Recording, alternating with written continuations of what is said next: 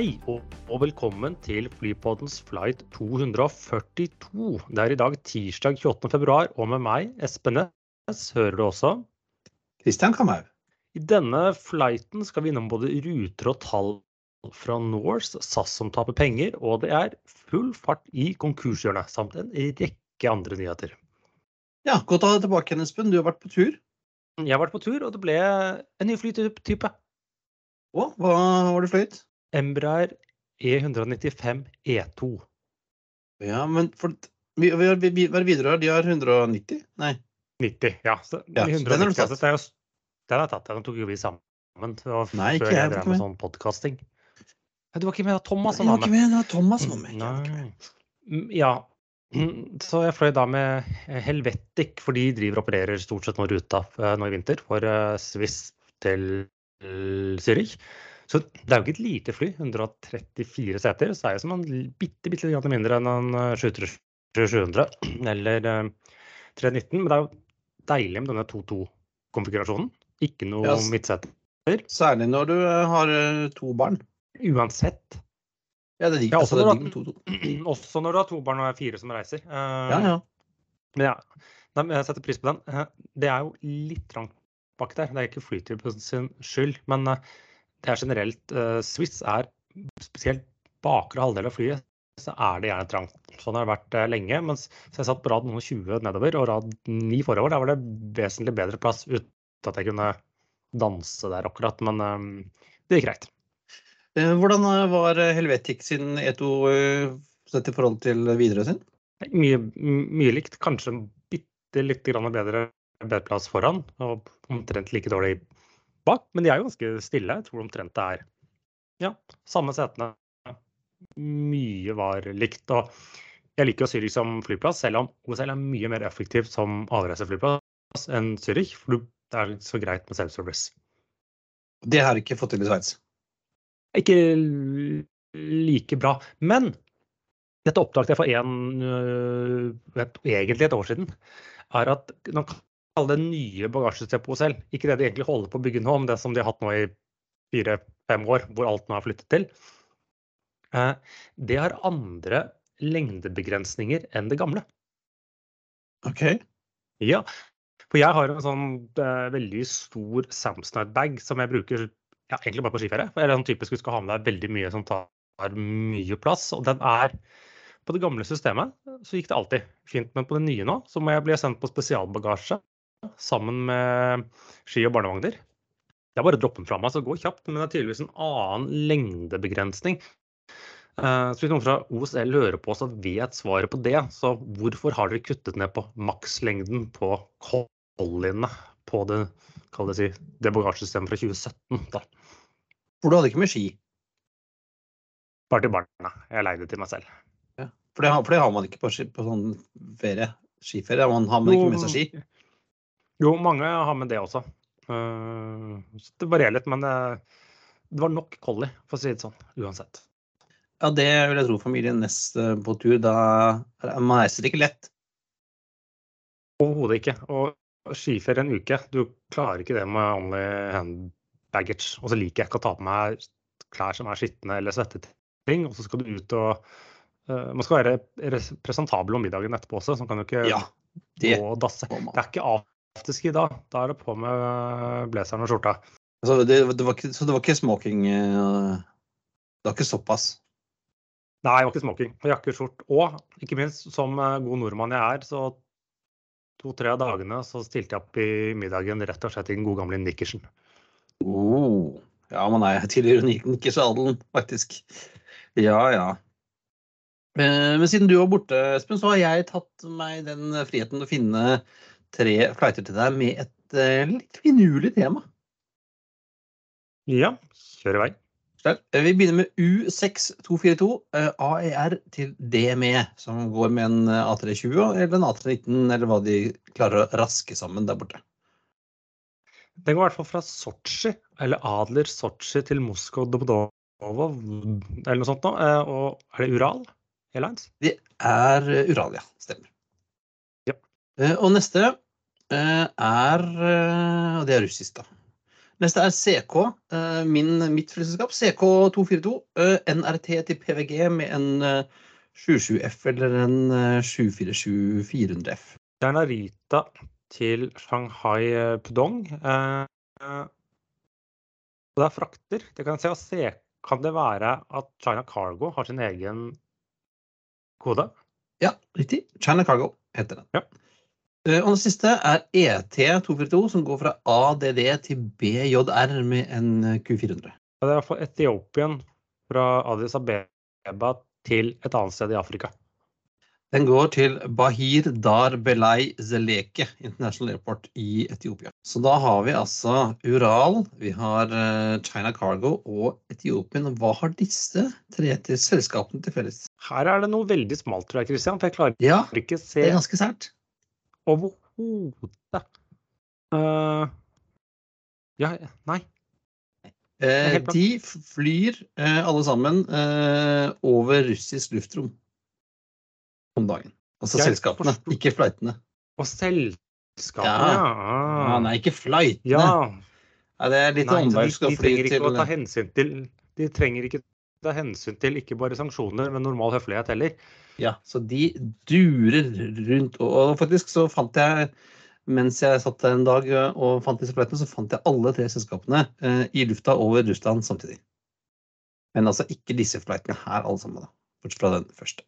Ah.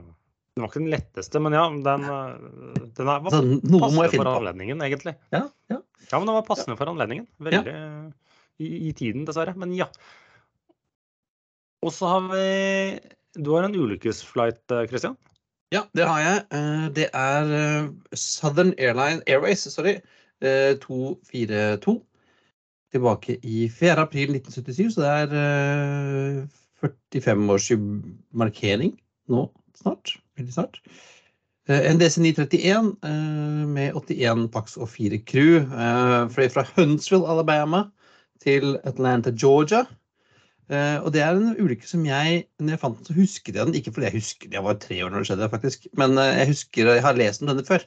Den er veldig mye omtalt, fordi den er ganske spesiell. Hvor det er sånn, de fleste Ja, for ulykker, Espen, skjer jo Ja, eh, skjer- enten ved landing eller takeoff. Ja, eller det er sånn controlled flight of terrain, for fly faller jo ikke bare ned. Nei, eh, men det gjorde denne her, på et vis. Eh, fordi at eh, den kom inn i veldig dårlig vær. eh, og vi som har vært i størstaten i USA, vet at det kan være ekstremt dårlig vær der nede. Særlig på vår og sommeren kan det være veldig veldig vanskelig vær. Det var mye regn, svære hagl, sånn størrelse på en altså hagl på størrelse med en baseball. Og det vil du helst ikke ha i motoren din. Så mye vind, mye hagl, mye regn gjorde at begge motorene stoppet fordi at de fikk mye vann og is inn.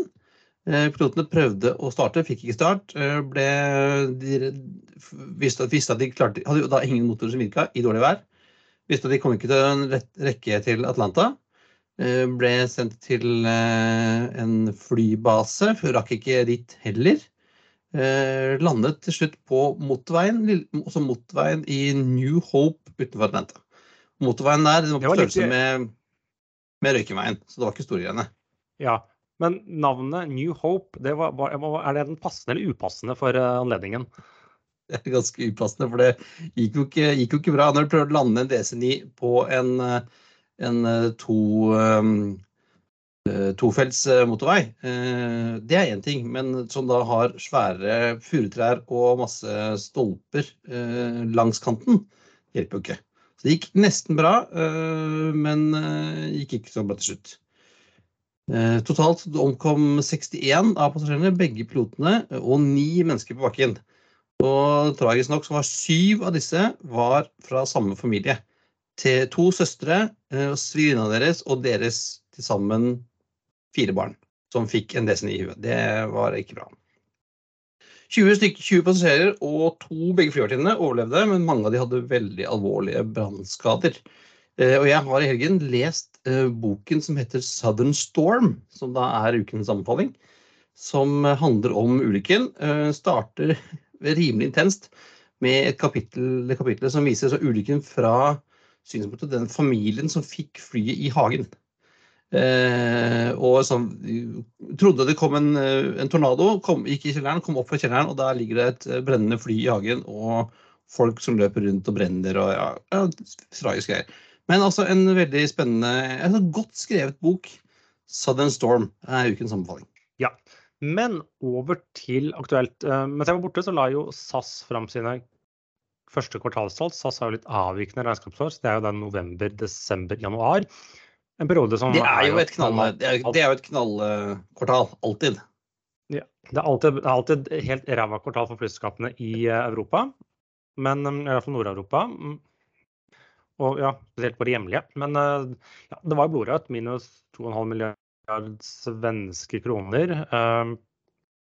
Men de er jo litt mer positive enn egentlig tallene skal si. Og jeg jeg sliter litt med å skjønne disse tallene, eller uh, uten å sette meg veldig inn i det. fordi SAS oppgir nå sånn månedstall, og så er jeg litt sånn usikker på hva taper de på driften, og hva taper de på alt mulig annet rusk og rask som har med denne restruktureringsprosessen å gjøre, og, og den type ting. Så liksom, hva taper de på? De går jo med underskudd uh, på driften denne tiden av året, men hvor mye tapte SAS på å fly meg til eh, Stavanger eh, for to uker siden, eh, kontra liksom hvor mye er andre ting, det er jo et åpent spørsmål.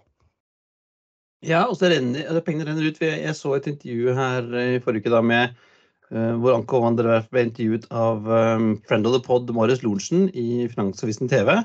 Og hvor Marius påpekte overfor Anko at uh, du hvis jeg ser på tallene her, så har dere som brent av 6 eh, milliarder, nei, 5 milliarder i cash siste kvartalet. Hvor ble det av de pengene? Og da ble Anko litt sur, gitt. Ja, ja. For det meldte han var feil. Eh, men eh, det ser sånn ut på tallene at Ja, det, altså, det, ja, det er vanskelig å vite. Også, men de sier jo at de, trafikken ligger foran både, både det de ser av bookinger nå, da, og, og sommertrafikken ligger foran det som var av restruktureringsplanen deres, eller planen deres? Ja, bookingene suste inn, som også Norwegian har meldt om tidligere. Og vi som har vært og kikket litt på, på flypriser på sommeren, ser at prisene er jo høye. Så de må jo være en ganske bra yield også på det de har solgt.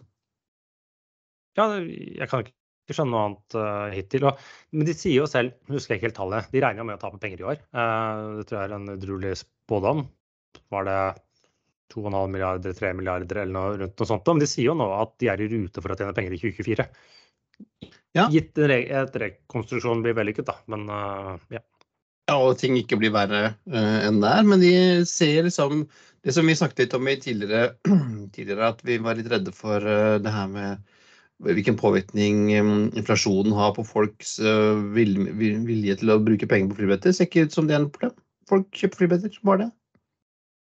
Ja, mm, vi kan komme litt tilbake til tallene etterpå. så Den, den har nok noe vilje, men uh, det viser seg hittil har ting stått bedre til enn uh, normalt. Men mens vi er inne på andre som skal tappe penger Vi fikk jo et lytterspørsmål om hvorfor det er vanskelig å booke Norse til London fremover våren, Christian. Og det er det noen grunn til. Ja, øh, vi kikka litt på det, vi òg. Så der var det ingen øh, fra og med den 26. mars var det ingen billetter å få. Og nå har jo også Norse gått ut og bekreftet at øh, den ruta skal du legge ned, for den, den taper de bra penger på. og Det kan jeg jo se. Altså Det er rimelig lett å få seg en billig tur til London med Norse i mars. Ja, men det har jo en grunn til at i Florida. Det var ikke fordi at Oslo-London med 787 var en sånn genial ting, men brexit har bl.a. rota litt eh, til. og sånn, Da hadde det ikke tok litt tid for å få alle tillatelser på plass, både for å selge billetter og for å uh, fly. Så er jo for å liksom deres kunne fly mellom London og, og, og, New York. Men når da alle tillatelser er på plass, og de kan begynne å fly der nå fra ja, 26.3, som tilfeldigvis er da sommeren begynner, uh, mm. ifølge noen, så trenger man ikke da den der linken eller den der transporten av fly og sånt mellom Oslo og London.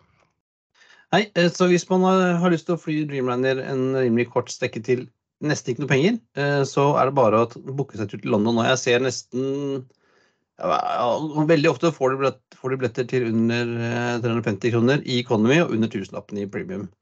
Jeg tror jeg betalte Men du har en uke på deg? Nei, ikke en uke. Du har to uker på deg. Ja, tre uker nesten. Over tre uker. Så uh, gakk hen og kjøp billett på Norse mens de fremdeles fins. Mens vi er inne på Norse, Espen, fire nye ruter ble lansert i dag. Ja, det var liksom forventet at man skulle se mer for London Gatwick når de hadde fått tillatelse på plass. Tidligere hadde vel Ion New York, Florida, Orlando annonsert, men nå fra juni ja, eller sånn, da blir det Washington seks ukentlig, Los Angeles daglig, San Francisco tre ganger ukentlig, og fra tidlig høsten Boston fem ganger ukentlig. Vet du om Washington er Washington, eller om det er noe sånn derre Baltimore-tjafs? Det er IAD, så vidt jeg kunne se. Ah.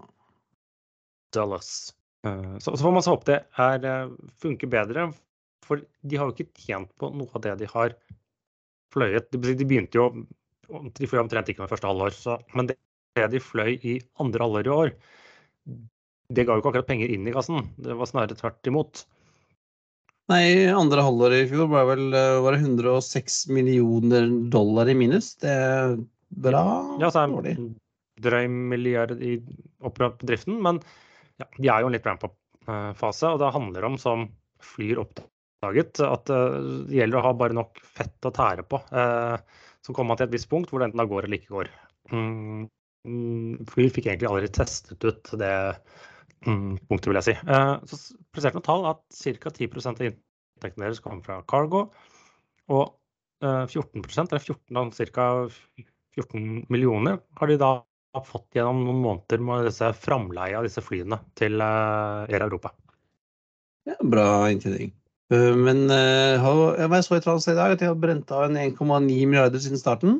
Uh, ja, det sies sånn. om alt er nødvendigvis cash, noe er det, Dette er litt sånn regnskapsteknisk sett, men at Power by the Hour slår annerledes inn i regnskapet enn hva de gjør med cash. Okay. Mm. Så selv om de ikke betaler for flyene, så kan de for det liksom å føre litt regnskap som får en catch-up-effekt siden. Men uh, sånn at det ikke er helt ja, Regnskapstallene kan være litt, litt forvirrende der ute, så uten at vi skal gå veldig inn på det. Men Norse har jo da tatt over alle, ikke alle maskinene, men mange maskinene av um, Norwegian. Men noe de definitivt ikke skal ta over er jo da den første og andre 7878-maskinen som ble levert til Norwegian. Var det de her som ble kalt sånn terrible teens? Nei, Norwegian hadde aldri noen av dem. De ville absolutt ikke ha dem. Eh, men det var da gamle det som både het EILNA og LNLNA, og da LNB. Eh, de står nå i Prestwick, og dette er jo det såkalte åtte modeller, som eh, ikke har vært de mest populære i den senere årene og har stått der lenge. Kort sagt ingen vil ha dem, så de skal hugges opp. Ja, og de vi har stått, stått i Presswick siden 20, mai 2019, begge to vel?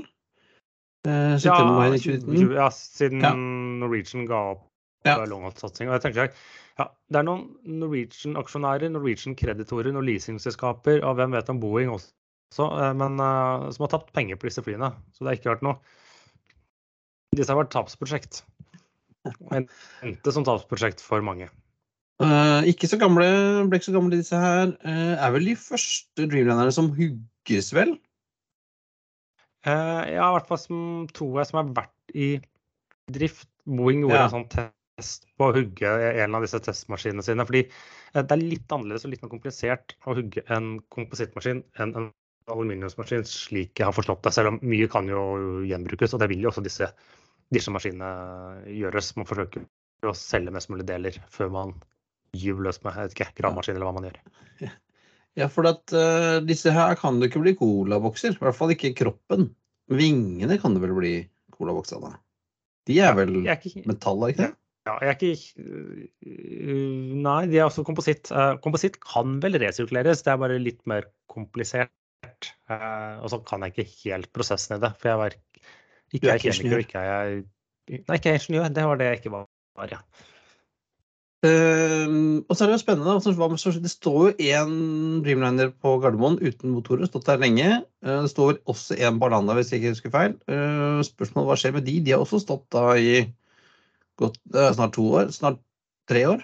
Ja. Slik jeg forstår det, så kommer den, i hvert fall den som på OSL, og sikkert en Arlanda òg, aldri til å fly mer.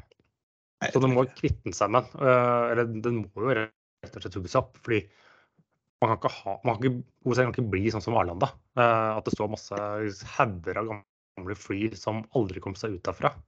Det er tydeligvis slik de må hugge i Arlanda. Det står jo sånne karaveller og MD-er og DC-er og russ og DC8 rask. står der, eh, ja. Men de får gjøre sånn som de gjorde den der jumboen. da, eller Gjøre det om til noe vandrehjem eller noe sånt. da. Litt hotell.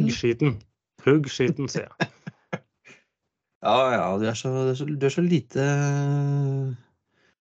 Ja, ja Espen. Eh, Men eh, vi var inne på Norse, og Norse har jo fått leid ut sine, fem av sine Dreamlandere til eh, Air Europa i Spania.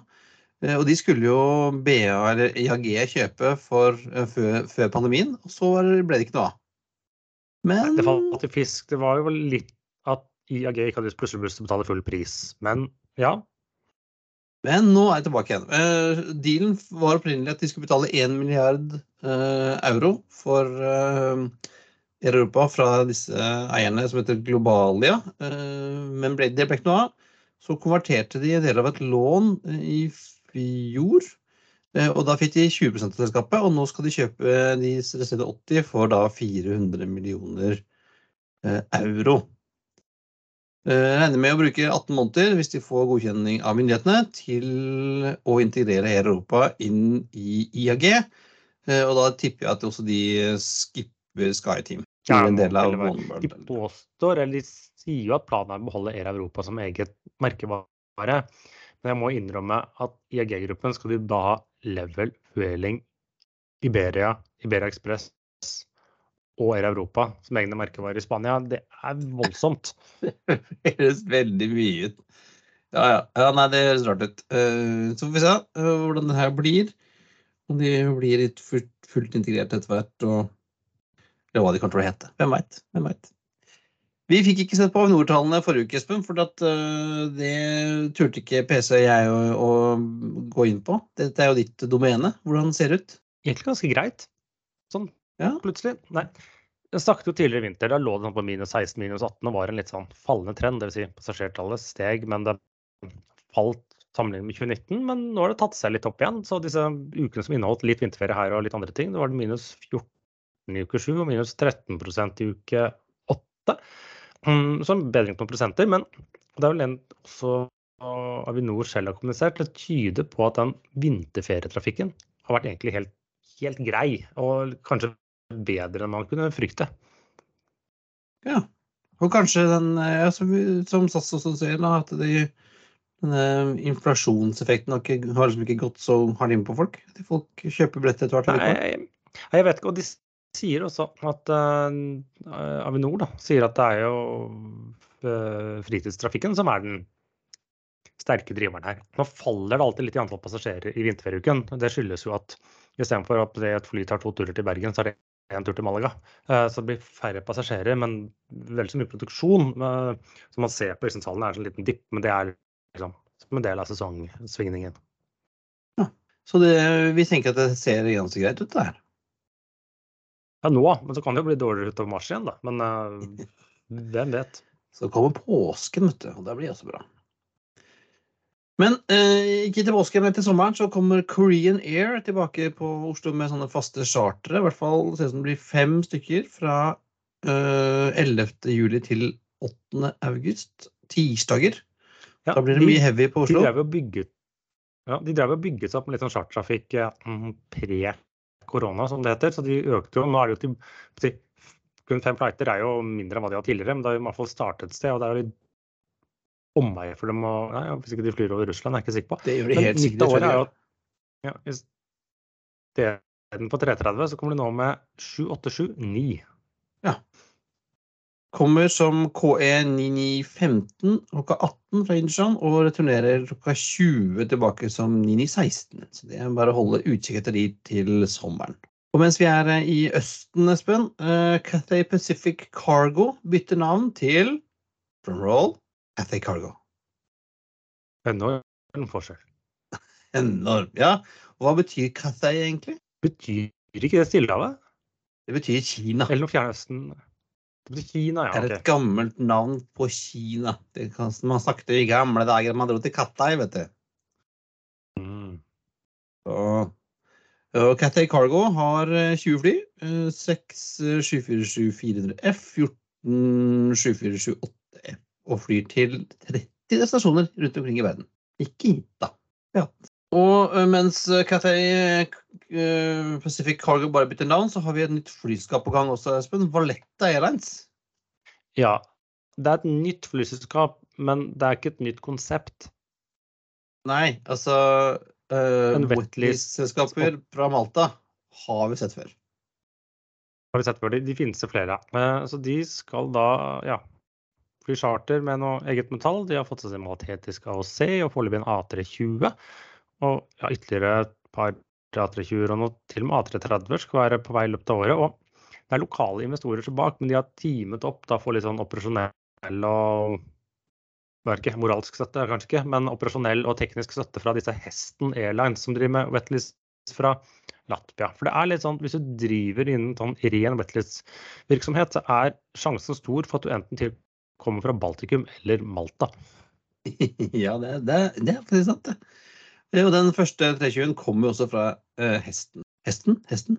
Heston? Hesten? Hes, hesten, Heston. Sorry, Hesten Airlines. Hesten. Ja, ikke, ikke som senga, liksom.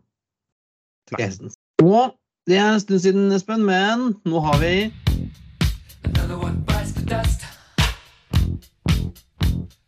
Another one bites the dust. Konkurshjørnet. Ja, hvem finner vi der?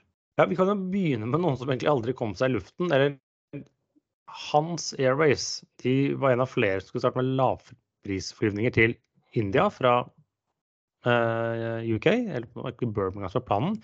Og de hadde et fly. Fikk et fly, fikk det vel registrert. Men Christian ser ikke så bra ut. Nei, nå i forrige uke så, så vi at de hadde, sånn, hadde fått avregistrert dette flyet, og det er tydeligvis eh, på vei tilbake til sine amerikanske eiere. Eh, Hans eh, han har slitt med å komme i gang, har vært tom for penger flere ganger, bl.a. nå i siste november. Eh, og nå er de på nytt ute etter uh, nye investorer som skal putte penger inn i dette hølet. Men det tror jeg ikke går veien. Jeg vet ikke om de fikk noe Nei. se engang. Jeg er ikke helt sikker, men det er jo ikke første gang at noen bommer og undervurderer. Når du starter et selskap, så undervurderer man både kapitalbehov og tid. Ja, jeg tror noe, på, noe de klager på, at de aldri fikk ordentlig fikk ikke noe av å se. og det var fordi at uh, britiske CAA mente at de var ikke noe going concern, hadde for dårlige penger. Det var noe sånt. Nei, de aldri fikk den finansieringen. De har jo også det. Og så er det vel noe som jeg har sagt om før, det er Viva eh, i Colombia, som er et colombiansk lavprisselskap. De har vært i en rekonstru rekonstruksjonsprosess, har forsøkt å slå seg sammen eller mm, bli kjøpt opp av Janka. sånn som myndighetene sa nei. Ja, ja, de bare begynte å snuse på det sammen med Indigo Group og, og flere. Uh, men det som er nå, er at nå de skal fortsatt forsøke å restrukturere, men de gir opp som en going concern, så nå innstiller de hele driften. Setter maskiner og fly på som, Det er i grunnen det samme. Men setter maskiner på bakken og rett og slett ja, gir opp og prøver å rekonstruere litt the hard way. Men har de noen flere fly har ikke alle leasingselskapene vært og henta de bare? Eller de har begynt å hente dem nå. De har jo fortsatt en relativt stor flåte. Det står til og med mm, så nylig et bilde fra enten Toulouse eller Hamburg med en helt ny maskin i Viva-farger som skulle til dem. Som vel ikke kom. Og vi øh, det, de, Altså Air Leap, har ikke de vært her før? De konkursene? De gikk konkurs, eller de innstilte driften for var 13 måneder siden og gikk inn i en såkalt rekonstruksjon. Og det var nyheter for var det en måneds tid siden også, var at eh, de hadde håp om å komme gjennom dette, eh, men nå gir de opp dette. De rett og slett eh, slår seg endelig konkurs, og det er slutt og over. Hvorfor ting skjærte seg, eller sånn, ikke fikk det til, er jeg ikke helt sikker på. Men det er ikke helt usannsynlig at det har en sammenheng mellom da han Elip-gründeren, som var en mm, ja, skipsreder. Jeg husker ikke om det er Bekkjarvik eller Spjelkavik. Jeg sliter med å forstå forskjellen på de to stedene. Eh, han døde nylig. Ja, da var det kanskje ikke så mange som hadde lyst til å fortsette å se hva som Nei, hans det var greie. nettopp det. Og, eh, ja. Ja, så da er det altså slutt for Eli, blir ikke noe mer. Vi fikk oss tre turer med dem, da, Christian. Det gjorde vi. Både Røros og Arlanda. Har vi testa den nå? Ja. Du sa 340 til Arlanda. Og ukens anbefaling har vi jo gitt. Det var å Ja. lese en bok. Les boka 'Southern Storm' eh, om eh, Southern Airways flight 242. Eh, godt skrevet eh, bok. Drivende. Jeg har lest den nesten ferdig i løpet av helgen. Anbefales. Vi legger en link til denne. Eh, men det var altså alt for i dag. Eh, det er på tide å feste sikkerhetsbeltene og Rette opp solryggen og sikre fri sitt ut av vinduet ettersom flight 239, nei 242 går i forlanding. Som vanlig finner du linker til det vi har snakket om i dag på flypodden.no. Finner oss på facebook.com, flypodden, på Twitter, flypodden og Instagram, flypodden og på LinkedIn. Har du spørsmål, vil du invitere oss på flytur eller sponse oss, er det bare å sende oss en mail på hallo at flypodden.no eller en melding på Facebook. Ha det Bra. We thank you for flying with us today. We truly appreciate your business and look forward to serving you on a future flight.